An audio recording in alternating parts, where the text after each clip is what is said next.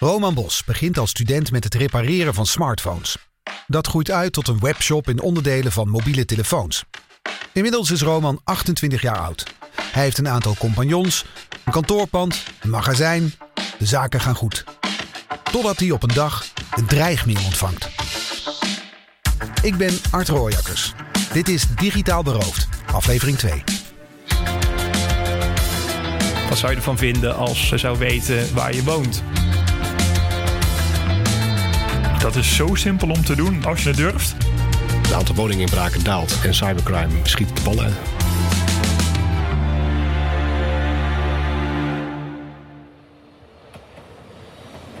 In Breukelen tussen de A2 en het spoor staat een bakstenen gebouw met meerdere bedrijven erin. Hier zit het magazijn en het kantoor van 123verkopen.nl. Maar er staat nog Partly boven de deur, want zo heette dit bedrijf eerst. We gaan terug naar april 2020. Het verhaal begint eigenlijk bij eh, het telefoontje dat we kregen op die dag. We spreken webshop-eigenaar Roman in zijn kantoor over de dag dat zijn bedrijf werd aangevallen door een cybercrimineel.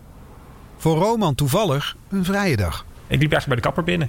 En ik was, was aan het wachten daar. En ik werd gebeld door een open nummer, maar voor mij onbekend. Die eh, persoon aan de andere kant stelde zich voor als iemand die werkte bij de politie, met name de cybercrime unit. En deze politieman heeft meteen een vraag voor Roman. Heeft jouw bedrijf misschien in het afgelopen half uur een dreigmail ontvangen? Een dreigmail van iemand die zegt dat je een bedrag in bitcoins moet betalen en dat anders je webshop wordt platgelegd? Toen ik ophing, ben ik zelf eventjes eh, in de app gaan kijken van de klantenservice. En jawel, daar stond inderdaad een mail van ongeveer 20 minuten, 30 minuten daarvoor. En er werd inderdaad om bitcoin gevraagd en er werd inderdaad gedreigd met het uitvoeren van een DDoS-aanval. Een DDoS-aanval. Wat dat precies is, leggen we zo uit. De politie vraagt aan de telefoon aan Roman of zij de klantenservice een tijdje over mogen nemen. Dan zouden ze naar onze locatie willen komen en daar samen de verdachte aan het lijntje houden. Ik kan me heel goed voorstellen dat de eigenaar van dat bedrijf eh, wellicht wat vreed opgekeken heeft toen ik hem belde met dag eh, met Adrian van de politie. eh, Je wordt zo meteen aangevallen. Mogen wij je communicatiesystemen overnemen? Dit is Adrian. Hij is cyberrechercheur bij Cybercrime Team Midden-Nederland. En hij is degene die belde met webshop-eigenaar Roman. Wij hebben toen de plek van het slachtoffer ingenomen. Een medewerker van de politie is eh, ja, letterlijk naar de woning gereden waarvanuit, eh, want het was toen al corona, waarvanuit de klantenservice eh, werd, werd bediend. En heeft achter de computer, waar normaal gesproken de klantenservice achter zit, eh, plaatsgenomen.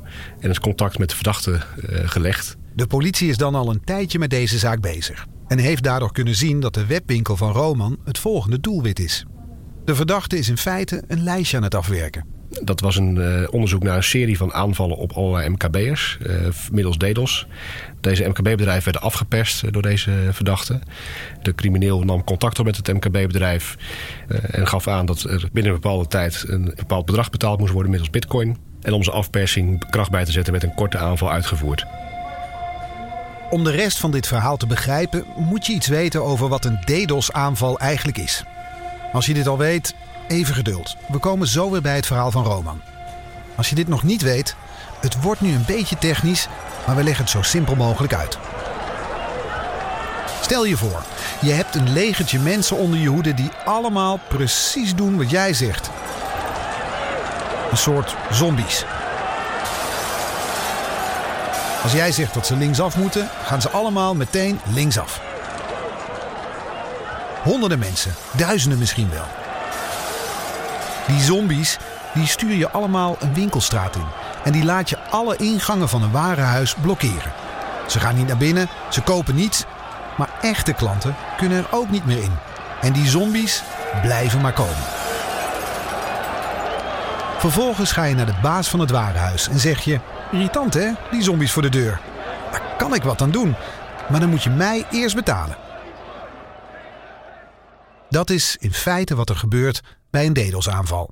Alleen is het fysieke warenhuis dan bijvoorbeeld een webshop. Cyberrechercheur Adrian legt het uit in computertermen.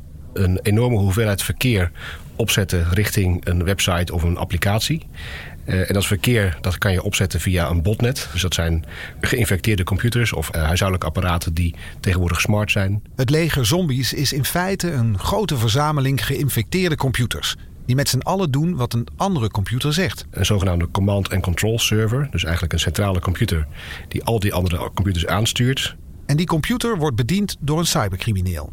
Dat gaat niet om 20 geïnfecteerde apparaten, ook niet om 500. Dat kan soms om miljoenen apparaten gaan. En op een goed moment krijgen die dan allemaal tegelijkertijd één opdracht. Breng een bezoek aan website X. Dat gaat in zulke hoge aantallen dat eigenlijk uh, die website of die applicatie daarna onbereikbaar is. En dan spreek je over een DDoS-aanval. DDoS staat dan voor Distributed Denial of Service.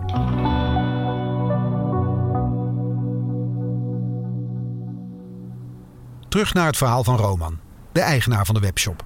Hij zit niet meer bij de kapper, maar is naar zijn compagnon Boris gereden, die vanuit huis de klantenservice runt. Niet veel later meldt zich daar ook een politieman. Die was een burger, maar die kon zich wel uh, legitimeren natuurlijk. En die heeft uiteindelijk een hapje meegegeten, zelfs nog mij, uh, bij, bij Boris en zijn vriendin uh, thuis met mij erbij. En vanuit daar eigenlijk een avondvullend programma gehad. Het eerste dat Roman opvalt is dat het onderzoek groter is dan hij dacht. Naarmate de avond vorderde kwam dat steeds meer naar voren dat hij niet de enige was die bij een webshop thuis zat of bij een webshop op kantoor zat om die ene verdachte in zijn kraag te grijpen. En dan begint het spelletje tussen de klantenservice van de webshop en de verdachte. Met de politie ertussen. Het was een uh, onderhandelaar van de politie. Dus we moesten uitstellen, tijd rekken eigenlijk. Om hem maar gewoon bezig te houden. Dat was in eerste instantie het, uh, het doel. Uh, zo natuurlijk mogelijk vanuit de klantenservice een berichtje terugsturen naar die persoon van ja, sorry, maar val ons niet aan alsjeblieft. Dat was een beetje de tendens van de eerste, de eerste twee berichten over en weer. En daar leek hij op zich wel begrip voor te tonen. In, in zoverre dat hij in ieder geval de deadline van zes uur uh, al vrij snel opschoof naar half zeven en zeven uur. Er gaan nog wat berichten heen en weer tussen de klantenservice en de crimineel. Maar op een goed moment lijkt zijn geduld op. Rond kwart voor acht merkten we dat de website ook daadwerkelijk slechter bereikbaar werd. Dus heeft hij ook even laten zien wat hij kon. En daar heeft hij ook uh, rond een acht uur een berichtje over gestuurd. Van nou ja, we hebben nu al een kwartier de website offline gehaald.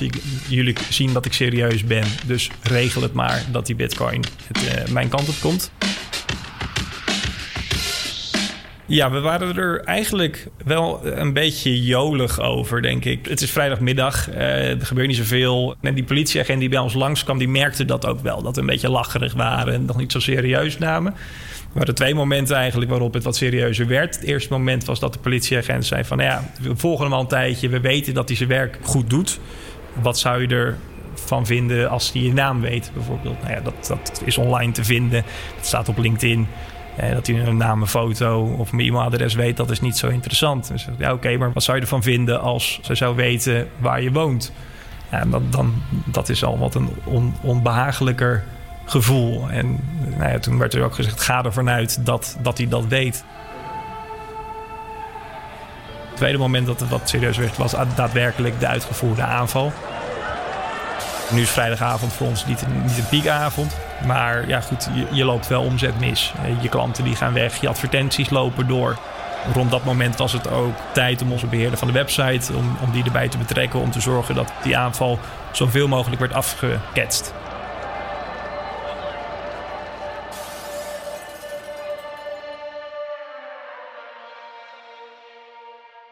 Hoe je dat precies doet, van die zombies afkomen als je wordt aangevallen, hoor je straks. We hebben contact met de verdachte kunnen rekken, eh, waardoor we ook gewoon digitaal meer mogelijkheden hadden om hem te lokaliseren. Terug naar cyberrechercheur Adrian. Nou, je kan je daar misschien wel een voorstelling bij maken dat hoe meer tijd wij hebben in de contactmomenten met een verdachte, ook al is het vooral digitaal en niet eens telefonisch, ja, hoe langer wij de tijd hebben en hoe langer zeg maar, een verdachte zit gefixeerd eh, op één punt, eh, hoe meer tijd wij krijgen om die dan te identificeren. Of in ieder geval de plek waar de verdachte zich bevindt om dat te identificeren. En dat lukt. Maar toch lukt het niet om de verdachte ook meteen op te pakken. We hebben natuurlijk wel gehoopt op een heterdaad-situatie waarbij we inderdaad direct tot aanhouding konden overgaan. Dat is op dat moment niet gebeurd. We hebben ervoor gekozen om eh, de aanhouding op een later moment te laten plaatsvinden.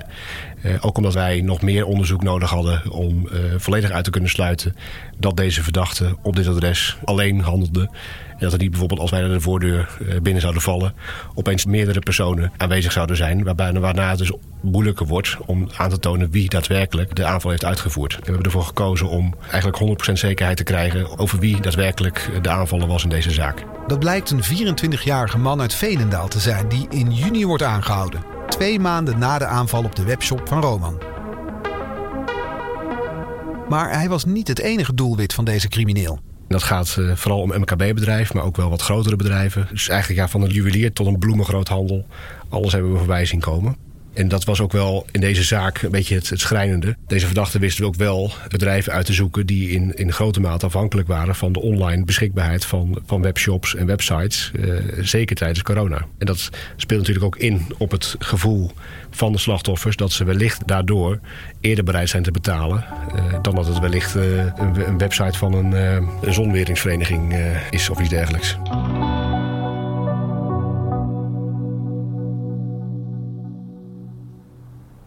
Hoe liep het nu af bij Roman? Samen met de onderhandelaar van de politie houden ze de verdachte dus een tijdje aan de praat. Roman laat zich niet afpersen. Hij betaalt uiteindelijk geen cent. En na een paar uur ebt de DDoS-aanval weg. Waarschijnlijk heeft de crimineel op dat moment zijn aandacht verlegd naar een ander mogelijk slachtoffer. Daar is Roman blij mee, maar het is ook een beetje onbevredigend soort van onafgemaakt. Je werkt aan het begin van de avond en vanaf het eerste gesprek werk je naar een beetje een soort van climax toe. En die, die, die kwam niet. En dat was, dat, was natuurlijk vervelend. Je had gehoopt dat wij eh, samen met de tientallen andere mensen die op dat moment eh, bezig waren om de verdachte eh, te, te, te, pakken. En dat er ook uiteindelijk een soort van ontlading komt. Dat er zo'n moment komt van hé, hey, hij is gepakt. Dat moment komt dus wel, maar later pas. En dan komt er nog een feit boven tafel, waardoor de jolige stemming op de avond zelf achteraf misschien niet helemaal logisch was. De grootste verrassing is geweest dat hij een vuurwapen in, in het bezit bleek te hebben. En, ehm, en dat we toen, dat dat eigenlijk het derde punt was, dat we dachten van ja, het had ook echt wel anders kunnen, uitkomst kunnen hebben. En dan is er nog de schade. De aanval duurde niet echt lang en vrijdagavond is voor de webshop nooit zo'n drukke avond. Maar toch. Ja, we hebben uiteindelijk een beetje een schatting gemaakt. De systeembeheerder heeft natuurlijk uren gemaakt. Onze ontwikkelaars, de developers, eh, het systeem was een beetje overstuur geraakt. Ehm, dus dat zijn kosten die we daarvoor hebben, hebben gemaakt. Ehm, we hebben advertentiekosten gemaakt in die avond. We hebben de advertenties uiteindelijk wel uitgezet. Uh, maar ja, goed, dan gaat dan toch enkele honderden euro's, die loop je dan toch wel mis. Uh, dus dat is, uh, dat is vervelend. En ja, de omzet, als we dat mogen inschatten, is een paar duizend euro. Tussen de 2 en 5000 euro dat we, denk ik, in die avond ongeveer mis hebben, mis hebben gelopen. Dat is geen feest. Maar wie doet nu zoiets, zo'n DDoS-aanval beginnen? Wat voor mensen zijn dat? Ik zeg altijd, de cybercrimineel bestaat niet. Net zoals de gewone crimineel niet bestaat. Dit is wetenschapper Rutger Leukveld van de Haagse Hogeschool. Hij doet veel onderzoek naar cybercriminaliteit. Je hebt vandalen tot straatschoffies tot aan uh, street gangs. Hè, gewoon echt jeugdgroepen, zeg maar. Tot professionele inbrekers, tot en met georganiseerde misdaad. En alles wat ertussen zit, dat heb je in de fysieke wereld. Dat heb je in het cyberdomein ook. Hoewel het misschien vrij technisch en dus ingewikkeld klinkt, zo'n DDoS-aanval, is het in feite niet moeilijk. Dat is zo simpel om te doen, dat zou ik niet een high-tech crime noemen. En dat trekt dus ook een bepaald type daders. Als jij vandaag een DDoS-aanval wil plegen, dan ga je straks even googlen naar hoe voer ik een DDoS-aanval uit.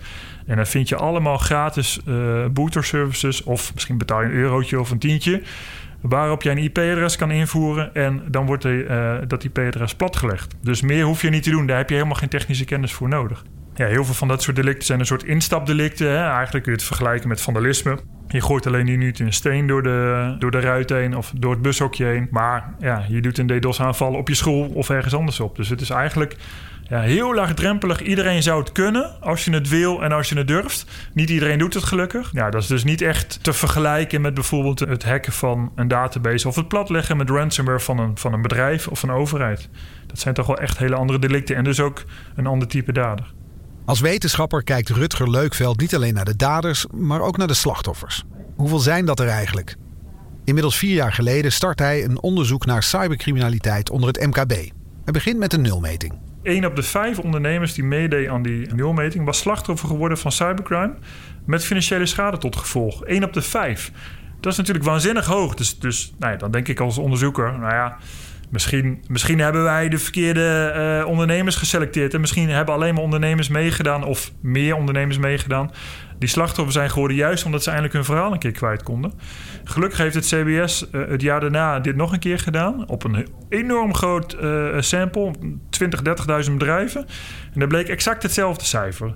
Dus voor ons als onderzoekers was het mooi. Vanuit een maatschappelijk perspectief vind ik het echt wel zorgwekkend. Want dat betekent gewoon dat 1 op de 5 in de afgelopen 12 maanden, niet ooit, in de afgelopen 12 maanden. Dat betekent dus simpelweg dat als jij niet slachtoffer bent geworden dit jaar. Ja, dan gaat het volgend jaar of het jaar daarna een keer gebeuren. Dat, dat, dat kan bijna niet anders.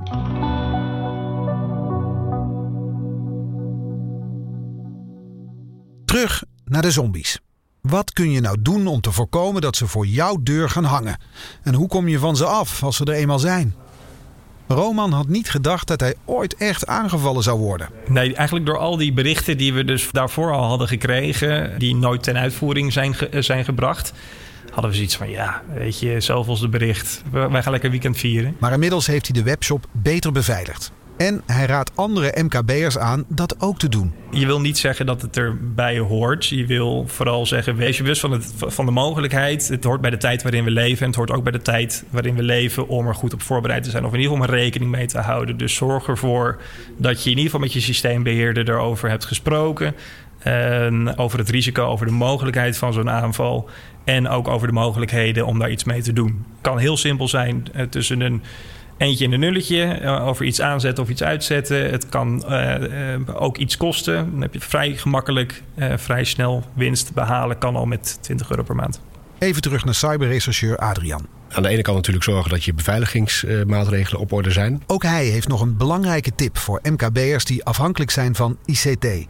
En wie is dat eigenlijk niet? En anderzijds weet ook dat dit soort uh, criminaliteit plaatsvindt. En, op het moment dat je wordt aangevallen, uh, of je wordt afgeperst onder dwang of onder dreiging van een aanval, om het direct bij de politie te melden, direct daarvan aangifte te doen en direct ons in te schakelen. Want zeker uh, op het moment dat het zeg maar, nog, nog actueel is en er zijn nog contacten mogelijk met uh, verdachten, ja, dan biedt het ons maximale opsporingskansen. En dan kunnen we succesvol zijn in het aanhouden van verdachten. Zoals dus de 24-jarige man uit Veenendaal, die de webshop van Roman probeerde af te persen. Die is niet alleen aangehouden, maar inmiddels ook veroordeeld. Dit is officier van justitie Ronald Kranen. Hij heeft uiteindelijk 36 eh, maanden gekregen, waarvan 16 eh, voorwaardelijk. En daar zit eh, ook wel een stuk in voor het wapen dat bij hem gevonden was. Maar het overgrote deel was voor die afpersingen en die pogingen tot afpersing. Een vuurwapen bij een cybercrimineel. Dat is nou niet meteen het eerste dat je verwacht. Er zijn denk ik verschillende type daders. Je hebt daders die dit doen en nog nooit iets anders hebben gedaan. En wat ik me dan voorstel is dat dit dan laagdrempelig genoeg is om het te doen. Bij iemand inbreken, iemand beroven, daar hoort toch een ander gevoel bij dan iemand op internet oplichten. Een andere groep daar zie je dat er op het strafblad inbraken staan, andere vermogensfeiten. En die hebben een switch gemaakt. Die hebben gedacht: ja, ik kan wel uh, vijf keer inbreken, uh, maar ik kan ook een avond of een dag mensen gaan oplichten. En dat levert misschien wel meer op en de pakkans is lager. Of zoals cyberrechercheur Adrian van de politie het zegt. Ja, je ziet eigenlijk in de cijfers dat het aantal woninginbraken daalt. Uh, en cybercrime schiet de pan uit, helaas. Dus kun je maar beter voorbereid zijn. Je beveiliging serieus nemen dus om aanvallen te voorkomen. En weten wat je kunt doen als je toch getroffen wordt door een DDoS-aanval. Op dat moment is je website onbereikbaar. En er zijn een aantal commerciële oplossingen voor, eh, maar ook een aantal niet-commerciële. Bijvoorbeeld de NABAS, het is een nationale wasstraat, zoals dat heet. Het is eigenlijk een dienst die je kan inschakelen op het moment dat je wordt aangevallen. Wordt al het verkeer wat naar jouw applicatie of website komt, wordt door de wasstraat gehaald en het schone verkeer wordt doorgelaten. En de DDoS-aanval zeg maar, wordt eruit gefilterd.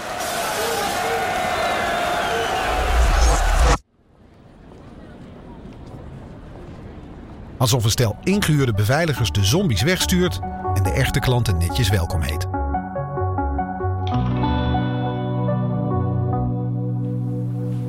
Als inderdaad een aanval wordt uitgevoerd, zijn we één beter voorbereid. Dus het is moeilijker om die aanval uit te voeren. Uh, en twee, is er een vrij korte lijn nu met de cybercrime unit van de politie hier in Nederland, die ontzettend hun best hebben gedaan en ook goed werk hebben geleverd. Uh, en dat vast en zeker staan te popelen om dat, uh, om dat voor andere kwaadwillenden ook te doen. Het is absoluut niet welkom in coronatijd voor een bedrijf, voor welk bedrijf dan ook. Maar het allerbelangrijke, het is maar geld. En het is, maar, het is dan in, in dat geval maar je website. En die is een paar uur niet. En die dag erna doet hij het weer. En ja, weet je, je leert ervan. Maar uh, ja, op het moment dat er persoonlijke dreiging bij komt kijken. Of mensen zich echt onveilig gaan voelen. Ja, dat is wel echt een ander niveau. Uh, dus ja, met dat vuurwapen in het achterhoofd ben ik blij dat het is gegaan zoals het is gegaan. Roman Bos was dat, van de webshop Partly. Als jij wil voorkomen dat je bedrijf slachtoffer wordt van een DDoS-aanval, zorg dan dat je de beveiliging van je ICT-systemen serieus neemt. Praat erover met je systeembeheerder, je developers, je service providers en maak goede afspraken. En let op, cybercriminelen kunnen DDoS-aanvallen gebruiken als afleiding om je gegevens afhandig te maken via netmails.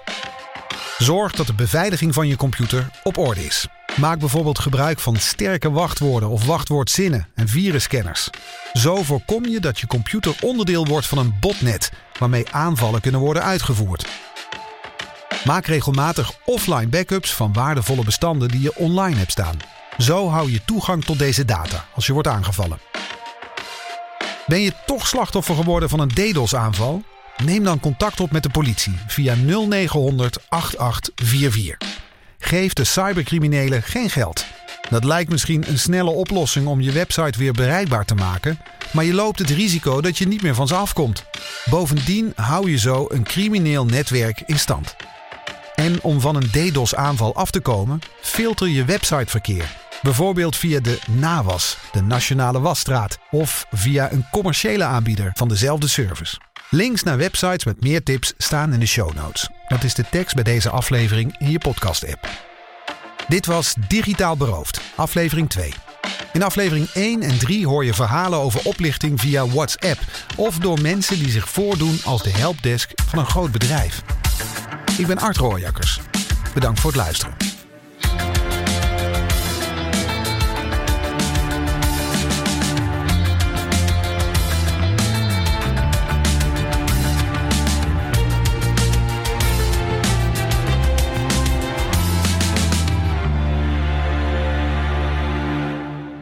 Dit is een podcast van de Politie- en Veiligheidscoalitie Midden-Nederland, gemaakt door NAP1.